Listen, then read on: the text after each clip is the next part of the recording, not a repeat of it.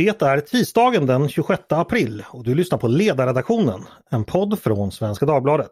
Jag heter Andreas Eriksson.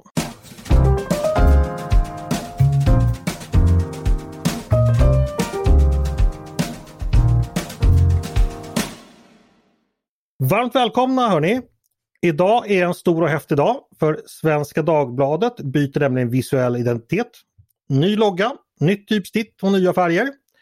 Det märker ni förstås inte så mycket av här i podden men ni får väl tänka er att vi på ledarredaktionen eh, också när vi sitter och pratar har nya smakfulla former. Så kanske vi framstår som lite roligare också. Dagens ämne, det är också stort. Igår fick vi reda på att entreprenören, Tesla-grundaren, rymdvisionären och miljardären Elon Musk ska köpa Twitter. Eh, det blir en jättenyhet förstås, inte bara i tech och internetvärlden utan också i politiken och mediebranschen. Twitter är ju en sociala medieplattform som har hunnit bli 16 år gammal och genom åren har den varit omskriven och omdiskuterad. Så vad blir nu nästa kapitel i historien nu när Musk tar över, om han nu verkligen gör det? Hur påverkas plattformen? Hur påverkas politiken? Hur påverkas den digitala världen generellt?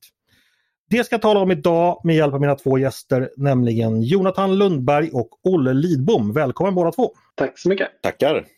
Jonathan, eh, du är journalist och författare, bland annat till boken som du skrev senast, Från världskrig till nätkrig, där du utifrån ett historiskt perspektiv skildrade debatten kring sociala medier.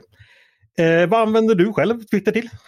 Inte mycket egentligen. Jag följer, eh, jag följer nyhetsflödet, eller informationsflödet rättare sagt, det senaste. Eh, det, det, är bra på så sätt man kan snabbt få en uppfattning om eh, vad, vad, som händer. Eh, men mm. det är bra för att hitta eh, snabb information, inte nödvändigtvis för att hitta korrekt information. Som ger få en liten fingervisning. Hur ser debatten mm. ut just nu? Just det.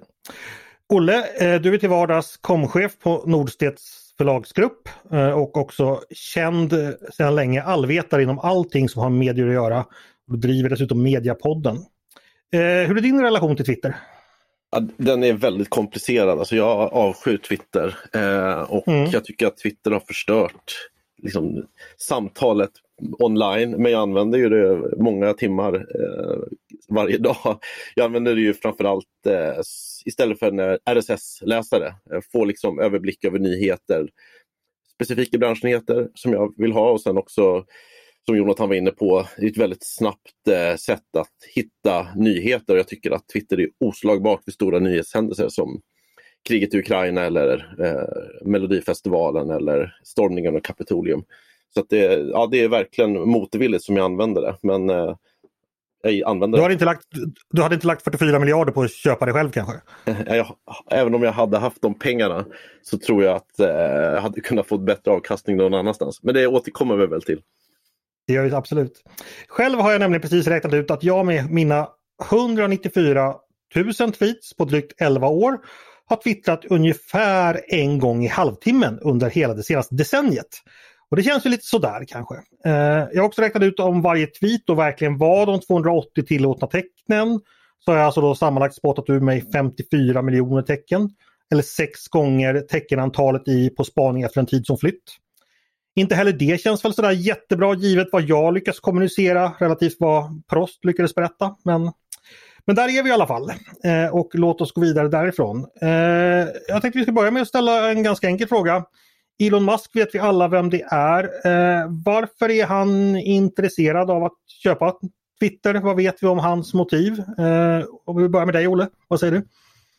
Ja, eh, alltså det började ju med att han eh, ville ha en redigera-knapp på, på Twitter. Eh, det skrev han ju då själv på Twitter och det blev liksom startskottet för det här. Eh, och då från början så såg det väl ut som att han hade en idé om att han ville utveckla produkten och göra den eh, bättre, mer användarvänlig.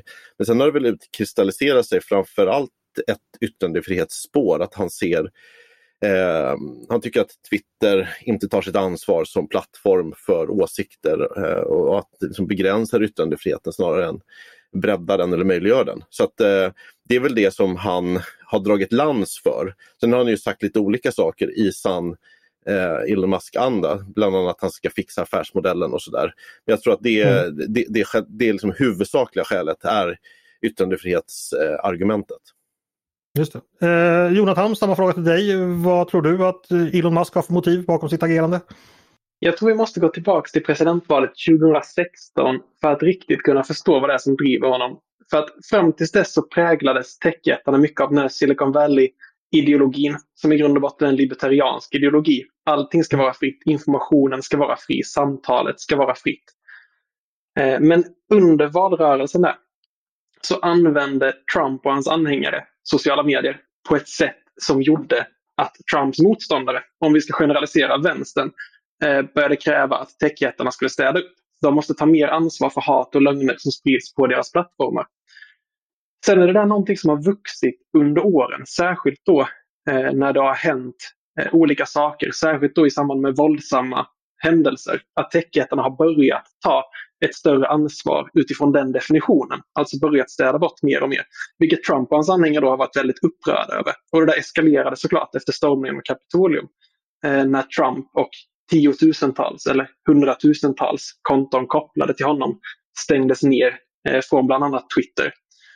Så allt det har ju väckt en diskussion kring yttrandefrihet. Vad ska vara tillåtet eller inte? Vad är techjättarnas ansvar? Att städa upp i debatten eller att se till att debatten är så fri som möjligt? Där Elon Musk har stått på den andra sidan. Han har velat ha en så långtgående yttrandefrihet som möjligt. Så den här förflyttningen som har skett under nästan sex års tid, där techjättarna har börjat städa mer. Nu vill Musk tvärvända den genom att köpa upp Twitter eh, och då få dem att moderera bort mindre. Eh, så det mm. tror jag är hans mål. Just det här yttrandefrihetsmålet. Han vill ta saken i egna händer. Mm. Eh, vi ska bara slänga in en, liten brasklapp här. Det var, det var Olle som påminde mig precis innan vi började sändningen. Eh, Olle, det är ju faktiskt inte helt klart att den här affären blir av. Det, det, det som har skett är ju då att eh, Twitters styrelse har då rekommenderat aktieägarna att då acceptera det här budet från Musk. Men det, vi vet väl inte helt enkelt hur alla kommer ställa sig. Har jag förstått det rätt så?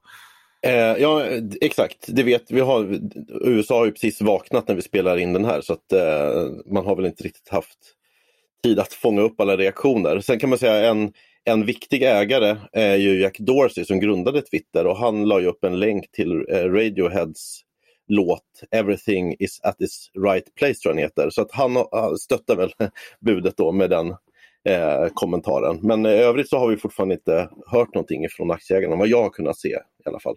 Ja, men, men eh, vi har kort om tid så vi, vi, vi hinner inte vänta utan vi kör på som man gör i den moderna världen.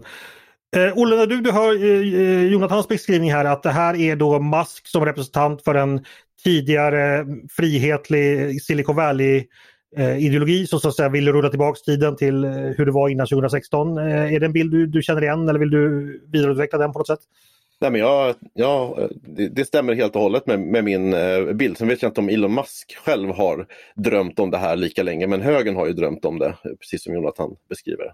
Eh, Jonathan, kan, kan, du ge oss lite mer interiörer från just hur det här, eh, de stora plattformarna, vilken roll de spelar för, för politiken i USA? Eh, är det så enkelt att vänstern, det som i USA kallas liberaler, Eh, så att säga, de vill reglera det offentliga samtalet mer medan högern, det, det som i USA kallas konservativa, helt enkelt vill att man ska få säga vad man vill. Är det så enkelt man ska förstå det eller, eller finns det ytterligare aspekter?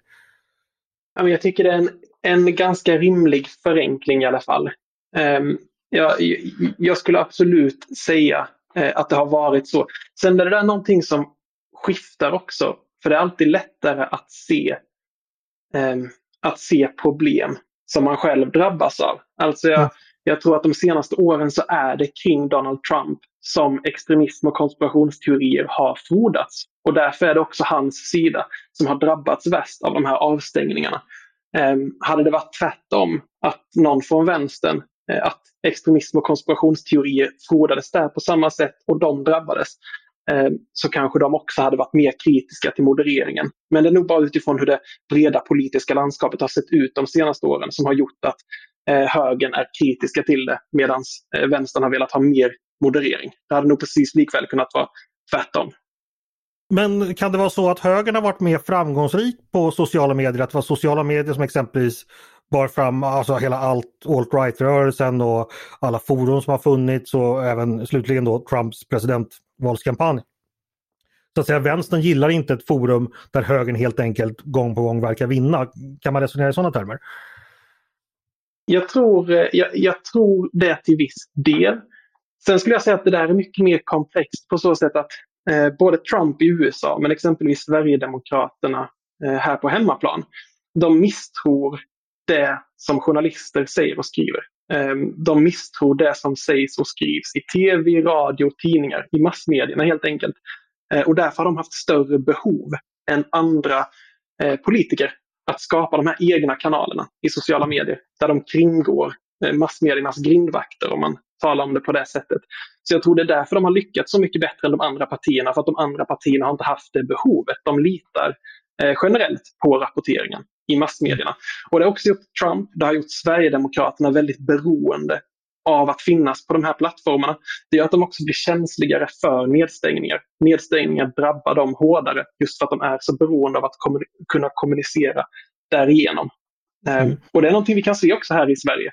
Att Sverigedemokraterna har varit väldigt aktiva i de här frågorna. Eh, kanske inte nödvändigtvis därför att de i grund och botten ideologiskt brinner så mycket för yttrandefrihet, men därför att nedstängningar av techjättarna skulle drabba dem oproportionerligt hårt.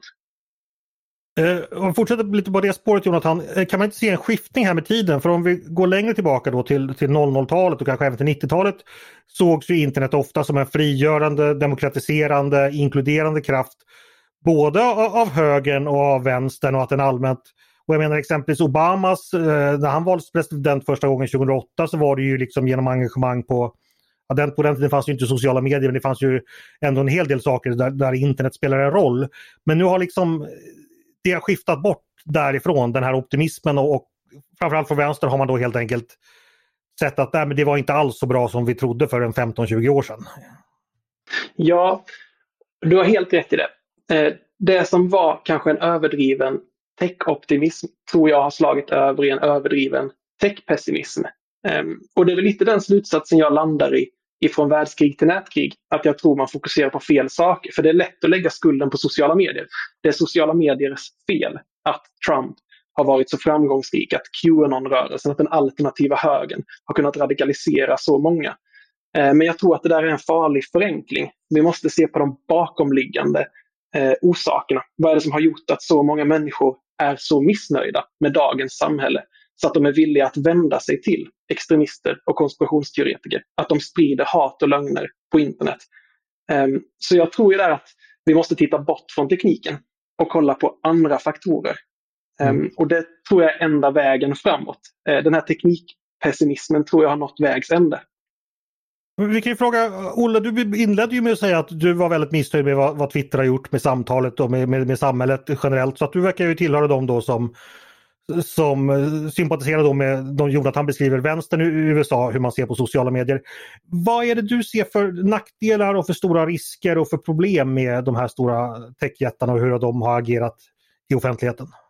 Jag har nog ingen eh, svepande allmän eh, sån här, eh, vänsterliberal kaffelattet-drickande kritik mot, mot sociala medier. Det är just Twitters design som jag tycker eh, har eh, uppmuntrat en polarisering, uppmuntrat mm, eh, liksom, skarpa åsikter. Eh, det har också varit väldigt svårt att verif verifiera eller faktagranska. Eller, Twitter har varit väldigt eh, duktiga på att skapa ett eh, löddrande men ofta väldigt så här, hatiskt samtal. Och jag tänker att man kan jämföra med andra plattformar eh, som har lyckats mycket bättre. Eh, Reddit till exempel som är ju ett stort forum, inte alls lika stort eh, bland tykonomer och eh, ledarskribenter men som har, ju, har stort inflytande både i USA och i Sverige, många som använder det. Där har man till exempel ett röstningsförfarande där liksom de bästa inläggen och kommentarerna röstas upp och får betyg. En, helt enkelt en design då som är mycket mer eh, riktar in sig på de här goda delarna i tekniken. Eh, att skapa mer förståelse, mer samförstånd, mer idéutbyte.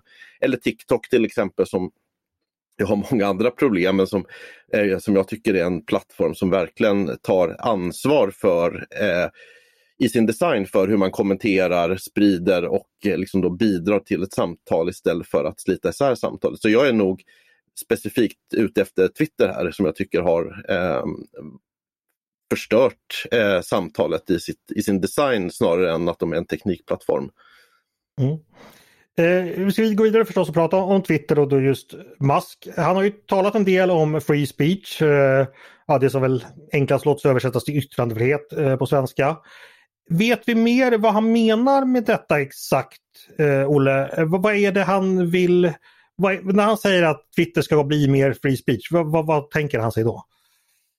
Ja men eh, alltså, i, grundidén är väl att Trump ska komma tillbaks till Twitter. Det är väl lite så som han eh, tror jag, i, kärnan i hans idé och det är det som också gör att han eh, affären omhuldas så bland, eh, bland högen i USA. Ehm, att det ska finnas ett mycket bredare spektrum. Han har ju till exempel sagt att man inte ska eh, portas ifrån samtalet på Twitter. Man kan stängas av men man ska liksom inte som då Twitter och många med honom förbjudas att använda Twitter till exempel. Men sen har han ju också sagt att han vill att alla som, ska, alla som använder Twitter ska vara identifierade eller verifierade så att man inte ska kunna ha anonyma konton. Eh, och Det är väl en annan del av det här att man också i ett Eh, offentligt samtal ska kunna stå för sina åsikter och att de är kopplade till en person och inte till ett konto. Eh, men som vanligt när det är Musk så är det ju liksom ett Twitterflöde som han använder för att då presentera alla sina idéer och de är ju inte särskilt eh, lätt att hitta någon röd tråd utan han slänger ut sig väldigt mycket och det gör ju också hela den här affären väldigt svår att liksom tolka. Eh, i alla fall för mig här som sitter i, i Sverige och försöker förstå vad han egentligen menar och avser. Jonathan, vad, vad, tror du att uh, Elon Musk är ute efter när han talar om det här med free speech och att det är så viktigt och att det ska komma tillbaka till Twitter? Ja, men han gjorde ett uttalande där att eh, modereringspolicyn på en plattform är bra om eh, de 10% i ytterkanterna till både höger och vänster är lika missnöjda. Så det mm. säger väl någonting om detta, att han vill ha en långtgående yttrandefrihet. Men det ska ändå finnas någon typ av moderering där. Det ska ändå mm. finnas eh, vissa grejer som tas bort, även sånt som inte nödvändigtvis är olagligt. Eh, han vill ju också då som sagt, eh, jag tror Olle var inne på det innan, men det här att han vill gå hårt åt spambottarna. Så det vill han inte heller tillåta. Och det är frågan hur han ska bli av med det. Men jag tror att eh, vi måste eh, på ett sätt fokusera på vad är det bakomliggande problemet här? För jag tycker nog att de senaste åren, men även fortsättningsvis, så har problemet för techplattformarna varit att modereringen styrs av en ganska liten klick. Eh, ett ganska litet antal makthavare i Silicon Valley eh, och sen de som kan sätta ekonomisk och politisk press på dem. Eh, vilket gör att modereringen inte nödvändigtvis görs för allmänhetens bästa Eh, utan utifrån vad de här makthavarna tycker är rätt just då. Och det är så det kommer bli nu också. Eh, nu kommer Twitters moderering styras av eh, vad Elon Musk tycker är rätt. Och de här plattformarna som har blivit så viktiga arenor för samhällsdebatten vill vi att de ska modereras på det sättet. Jag tror att om vi stirrar oss blinda på det här, ska de modereras mer eller mindre, så missar vi poängen. Vem ska bestämma hur mycket som ska modereras? För risken finns att när en makthavare som Elon Musk tar över de här, han säger att ja, men det ska modereras mycket mindre. Men hur vet vi att han inte då och då kommer fatta beslut som gynnar hans affärsintressen snarare än allmänhetens bästa? Så jag tror att vi som samhälle måste ta ett helhetsgrepp på detta. Eh, titta på de här bakomliggande faktorerna. Hur vill vi egentligen att samhällsdebatten ska modereras och hur kan vi nå fram dit? Eh, handlar det om lagstiftning? Vi behöver som medborgare skaffa, skaffa, skaffa oss en uppfattning om hur komplexa de här frågorna är och vilka lösningar vi vill se på lång sikt. Eh, för det här, vilken struktur vi väljer där, var makten kring modereringen ska ligga, om den är centraliserad eller decentraliserad. Det kommer forma samhällsdebatten eh, i åratal, om inte decennier framåt. Så att det är hög tid att vi börjar ta den frågan på större allvar. Mm. Eh, hela förutsättningen för vårt samtal är ju lite nu att Twitter är jätteviktigt idag och då förmodligen kommer vara det i framtiden. Det vet vi förstås inte. Vad, vad tänker ni om Twitters framtid? Både globalt men även i ett svenskt perspektiv. Är det någonting eh, som kommer vara fortfarande, fortfarande lika viktigt om säg två år eller om fem år? Eh, vad tror ni? Olle? Eh, jag skulle nog börja frågasätta premissen där. Jag tror inte att Twitter är särskilt viktigt egentligen. Eh, däremot så är det viktigt för oss som jobbar i den här mediekleten. Eh, det är här mm. som många journalister, ledarskribenter, politiker eh, som bryter sina åsikter mot varandra. Men tittar man till exempel på användarstatistik, Svenskarna och internet mäter det här, så är det ju ett, ett väldigt litet en väldigt liten plattform eh, i Sverige och ganska få som använder det. Framförallt är det ju eh, 90-talister som använder Twitter. Så att eh, mm. man ska nog inte överskatta Twitters vikt för gemene man, i alla fall inte i Sverige. Så att jag tror Nej, alltså jag att... Säga... Eh, ja, men, ja, förlåt. Det, det, det, köper jag naturligtvis och det är en sån här grej som det skulle jag sagt, det är så självklart för oss som jobb, jobbar med det att Twitter är ju inte den stora kanalen ut till folket. Men det är ju precis du säger, det är ju där vi i de chattrande klassarna möts. Och när jag sitter på mitt morgonmöte på Svenska Dagbladets ledarredaktion så förekommer ordet Twitter väldigt ofta. Jag såg på Twitter, den sa på Twitter, hörde ni om det på Twitter? Så det är där betydelsen finns så att säga. Men eh, får fortsätta, jag, bara, ja. jag, jag, köper absolut den avgränsningen. Men, eh, och jag, det är lätt att glömma bort det, tror jag, när man, när man ser på Twitter. Och jag vet ju att det är många som använder Twitter eh, också på andra sätt, till exempel ehm, liksom, eh, liksom, sport-Twitter eller mello-Twitter eller så. Så det finns ju andra delar av Twitter som inte är så liksom formar samhället och där yttrandefriheten kanske är en icke-fråga också i mycket högre grad. Eh, så jag, men jag tror att Twitter kommer fortsätta förlora eh, inflytande. Därför att det är så det har sett ut de senaste åren, i alla fall i Sverige, så är det inte alls lika viktigt som det var tidigare. Och generellt så tycker jag det ser ut som att de här stora plattformarna eh, blir allt fler och i takt med att de blir allt fler blir liksom makten för varje enskild aktör oavsett om det är Twitter eller Snap eller eh, TikTok eller Reddit eller vad det nu är för nya plattformar som växer fram. Så liksom det blir färre och färre användare på varje så att det blir också svårare att säga att det här är liksom rikslikaren. Men det är ju fortfarande rikslikaren för eh, ledarskribenter och eh, tykonomer förstås. Och det kommer, så kommer det nog vara en, en, bit framåt. Men jag tror att det kommer ersättas också. Och man kommer också känna att debatten kanske formas någon annanstans. Och det tycker man ser till exempel i bevakningen av eh, kriget i Ukraina som, eh, som också försiggår på andra platser än på Twitter. Eh, Jonathan, samma fråga till dig. Om du tittar lite framåt och Twitters betydelse både i Sverige och globalt. Vad, vad ser du framför dig där?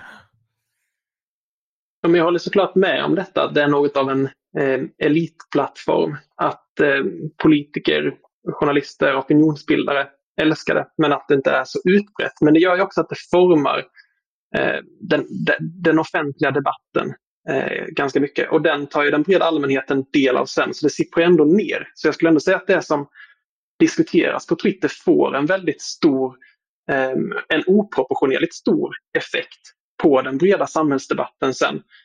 Så på det sättet är det ett väldigt viktigt forum fortfarande. Jag skulle säga mycket viktigare än Facebook här i Sverige. Eh, men alla plattformar har sina, sina syften eh, och de går inte att ställa direkt eh, bredvid varandra. Det är så mycket som väger in. Men mm. jag håller också med om detta. Det, det, det, är jättesvårt att säga. Det beror också helt på vilka förändringar Elon Musk gör, hur människor reagerar på dem. Så det kan gå åt precis vilken riktning som helst. Jag är orolig om det blir så att människor med olika åsikter fortsätter söka sig till olika plattformar. Det mest extrem, extrema exemplet är kanske Donald Trump och hans Truth, Truth Social han sa ju till och med nu att även om Elon Musk skulle släppa tillbaka honom på Twitter så vill han inte komma tillbaka, säger han nu åtminstone. Han är ganska nyckfull. Eh, men det där tycker jag är en oroväckande utveckling, att internet blir mer och mer fragmentiserat. Människor med olika åsikter står på olika plattformar. Eh, och det där tror jag på lång sikt är farligt. Människor med olika åsikter behöver finnas i samma rum, behöver stöta och blöta sina åsikter med varandra. Men jag tror att oavsett vilken utveckling Eh, vi ser framöver. Och det kan verkligen vara så att det kommer fler och nya plattformar som eh, nyanserar allt detta. Men därför är det så viktigt att vi på något sätt hittar ett ramverk som inte är för varje enskild techplattform utan som är mer generellt. Lite som det eh, medieetiska systemet. Alltså ett ramverk som alla medier jobbar utifrån och sen kan man fatta egna beslut inom det. Eh, men jag tror att de sociala medierna behöver någonting liknande och det kan ta eh, ett tag att arbeta fram det. Ja, det tog ju lång tid innan, eh, det var ju först på 60-talet som, som, tidningarna bestämde sig för att ha ett eget självreglerande system. Jag tänker så här, ni verkar ju överens om att vi går mot eh, en ökad eh, vad ska jag säga, fragmentisering, att vi får fler plattformar för olika grupper så att säga. Eh, Jonathan, du är lite bekymrad och vill gärna se någon form av samordning. Olle, vad tänker du eh, när du hör Jonathans beskrivning att vi kanske på något sätt ändå behöver finna någon, ja, någon samverkan mellan de här olika så att det inte blir så att grupper aldrig möts? Ja, men det är en idealistisk eh, idé som jag, som, som liksom, det, det, bankar ju varmt i hjärtat men jag tror tyvärr att mänskligheten är liksom konstruerad på ett annat sätt. Eh, och eh, Människor söker sig till sina gelikar eh, och det har vi alltid gjort och tekniken har också möjliggjort att göra det i allt högre grad. Eh, och om man tittar på till exempel Facebook de senaste åren har ju gått från att vara en bred mötesplats där man liksom bryter sina åsikter och tar del av åsikter man inte gillar till att bli mycket mer fragmentiserad eller liksom ett klansamhälle med eh, Facebookgrupper där man egentligen aldrig ser obekväma åsikter utan för att man tittar i sin egen grupp om det eh, den, den yrkesroll man tillhör eller det lokalsamhälle som man bor i. Eh, och jag tror att det där är en utveckling som, eh, som teknikbolagen inte riktigt kan motverka och inte vi människor heller utan vi har alltid velat söka oss till, till varandra, till människor som tycker som vi, som vi kan spegla oss i och som är ofarliga. Det har tekniken möjliggjort. Så jag är nog eh, i, i hjärtat idealismen, i hjärnan eh, liksom lite mer skeptisk till att det går att ställa tillbaks eh, medie och samhällsutvecklingen till en gammal liksom, lägereldsidé eller den här liksom, stora tv-masten som sänder ett budskap till alla. Den, den världen är nog förbi så att, eh, nu får vi nog försöka hitta någon, något, något annat sätt att, att beskriva eh, hur idéer och eh, information och fakta sprids och delas. Om vi ska spekulera lite, säg att nu Musk får som han vill och, och eh, framöver, vad, tror ni han har gjort Twitter till för någonting fem år från, från nu? Vad, vad, om ni får gissa, vad tror du Jonathan? Det första steget tror jag, det här är ju eh, här, här rör man sig på väldigt eh, djupt vatten. För att ja, ja, men det är Musk är också liksom eh, Trump en väldigt oförutsägbar person. Eh, men han blir också ganska lätt uttråkad vilket gör det svårt att spekulera på lång sikt för man vet inte hur hans intresse kommer, eh, kommer se ut då. Men jag tror han kommer börja med sådana enkla synliga förändringar. Han kommer släppa tillbaka några sådana här högprofilerade personer som har blivit avstängda. Trump vore nog på många sätt en drömperson ur det hänseendet. Det skulle ge mycket publicitet och vara en tydlig markering att nu sker det förändring här. Ehm, han kommer säkert införa den här redigeringsknappen. Han kommer nog göra några andra eh, liknande, väldigt synliga förändringar. På längre sikt än så, ja, vem vet? Jag tror att Twitter åtminstone kommer påverka de andra techjättarna på så sätt att Mark Zuckerberg har i grund och botten en liknande syn på yttrandefriheten och en liknande syn på vad Facebook ska vara. De senaste åren har han också gett vika för pressen att börja moderera mer. Men nu när han får en eh, uppbackning i form av, eh, i form av Trump, höll jag på att säga, i form av Musk, eh, så tror jag det kan bli att de finner styrka hos varandra och stå upp mot modereringskraven. Så det kan bli att Facebook också kommer bli en friare plattform på gott och på ont. Eh, Olle, jag har samma fråga till dig. Vad, vad ser du framför dig att eh, Musk vill, kommer att åstadkomma om han går dit han vill? Och det var en intressant tanke här från, från Jonathan att även övriga sociala medieplattformar då kommer påverkas via den här dynamiken. Ser du något liknande framför dig? Ja, men det var en, en, en klok aspekt av det. Alltså, så att, alltså, det, Twitter kanske inte är så stort, inte så lönsamt, eh, men eh, blir liksom en liten testballong här då för, för olika, eh, olika förändringar. Eh, jag tror väl också som Jonathan att om inte Trump kommer tillbaks så faller liksom hela idén med det här köpet. Eh, han måste tillbaks annars så, eh, annars så har Elon Musk satsat pengar på fel häst. Eh, på längre sikt så tror jag att det kommer skada Twitters ganska dåliga business. De går ju med vinst eh, men gör ju vinst som en medioker Coop-butik ungefär. Och eh, de har ju bara en, annonsin eh, en intäktskälla och det är ju annonsintäkterna. Och annonsörerna är ju väldigt känsliga för annonsmiljön. Och det är väl, tror jag, ett skäl till att Twitter och andra sociala medieplattformar har modererat hårt, det är för att man som annonsör ska slippa se sin annons bredvid eh, högerextrem eh, fejkpropaganda. Och ifall det blir för mycket högerextrem fejkpropaganda på Twitter, då kommer annonsörerna lämna. Och då eh, kommer ju också Twitter förlora liksom sina ekonomiska muskler och sina möjligheter att utveckla bolaget eh, vidare. Så det är väl lite så jag, jag ser nog ändå en ganska stor risk för att Elon Musk nu, om, om han ändrar någonting här, så börjar han såga den gren han själv sitter på. För Elon Musk är ju också extremt beroende av Twitter. Eh, Tesla och SpaceX aktiekurser är extremt beroende av Elon Musks eget twittrande. Så att han, han mm. spelar ett högt spel här. Och då ska man ju, jag tänker också att eh, det är inte så att Twitter har drivits av eh, ledningsgruppen på en lokal Coop-butik direkt. Utan här har vi haft eh, en, några riktigt vassa tech-entreprenörer som till exempel Jack, Jack Dorsey som har gjort, startat flera andra mycket framgångsrika och smarta bolag. Man har haft en styrelse som har innehållit styrelseledamöter från Apple eh, och Google. Så att man har ju haft smarta hjärnor och de har ju varit med och utvecklat bolaget. Att Elon Musk skulle sitta på en silverkula liksom, som trumfar det med en affärsmodell som är bättre, det finner jag som högst eh, osannolikt. Eh, men med det så, så tror jag att han, eh, han har också ett stort ego som gör att han nog ändå vill såga lite grann på den här grenen som han själv sitter på. Mm. Och han har ju sagt redan nu att han eh, vill gå ifrån den här eh, annonsmodellen. Så han ser antagligen samma problem där. Alltså att annonsörerna vill inte förknippas med eh, konsekvenserna av den den typen av yttrandefrihet som han föreställer sig. För det blir helt enkelt ett för, ett för, lite för, smutsigt eh, landskap. Man vill inte ställa upp en reklamskylt där. Eh, men istället föreställer han sig någon typ av prenumerationsbaserad modell. Och där har jag inte sett några närmare uppgifter på hur den skulle se ut, vilka som ska betala eller hur mycket. Så det där ska också bli intressant att se hur han förändrar Twitter i det avseendet. För det kan ju också påverka populariteten såklart beroende på vem som betalar. Det kan ju bli att eh, de blir mindre sugna på att använda plattformen också. Men eh, jag tror inte att han ser det som att eh, det känns inte som att han vill gå med vinst på detta. Utan det är en sorts rikemansleksak. Mm. Mm. En ganska dyr sådan. Ja. Ja, det tycker jag är lite, det var väl det som gjorde, jag var ju chockad, eh, perplex och väldigt överraskad över att han fick igenom den här affären. För han har ju sagt att han inte gör det här för pengarna.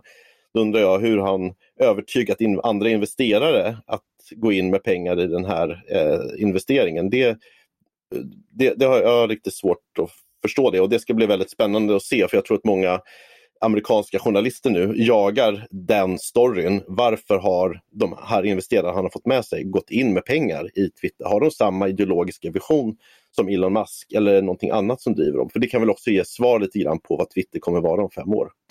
Stort tack för det hörni och eh, ja, tack till er båda Jonathan Lundberg och Olle Lidbom för att ni ville komma hit och delge mig och mina lyssnare era klokskaper. Tackar! Tack så mycket! Och innan vi helt slutar och tackar för idag ska jag också tipsa om vår grannpodd på Svenska Dagbladet. Nyhetspodden Dagens Story där du på en kvart varje dag får en fördjupning i ett aktuellt ämne. Så lyssna gärna på den också. Men det ni lyssnar på nu det är ledarredaktionen. Ni är varmt välkomna att höra av er till oss med tankar och synpunkter på det vi precis diskuterat eller om ni har idéer och förslag på saker vi ska ta upp i framtiden. Då är det bara att mejla till ledarsidan snabel svd.se. Stort tack för idag hörni! Dagens producent heter som vanligt Jesper Sandström. Jag heter som vanligt Andreas Eriksson och jag hoppas som vanligt att vi hörs igen snart.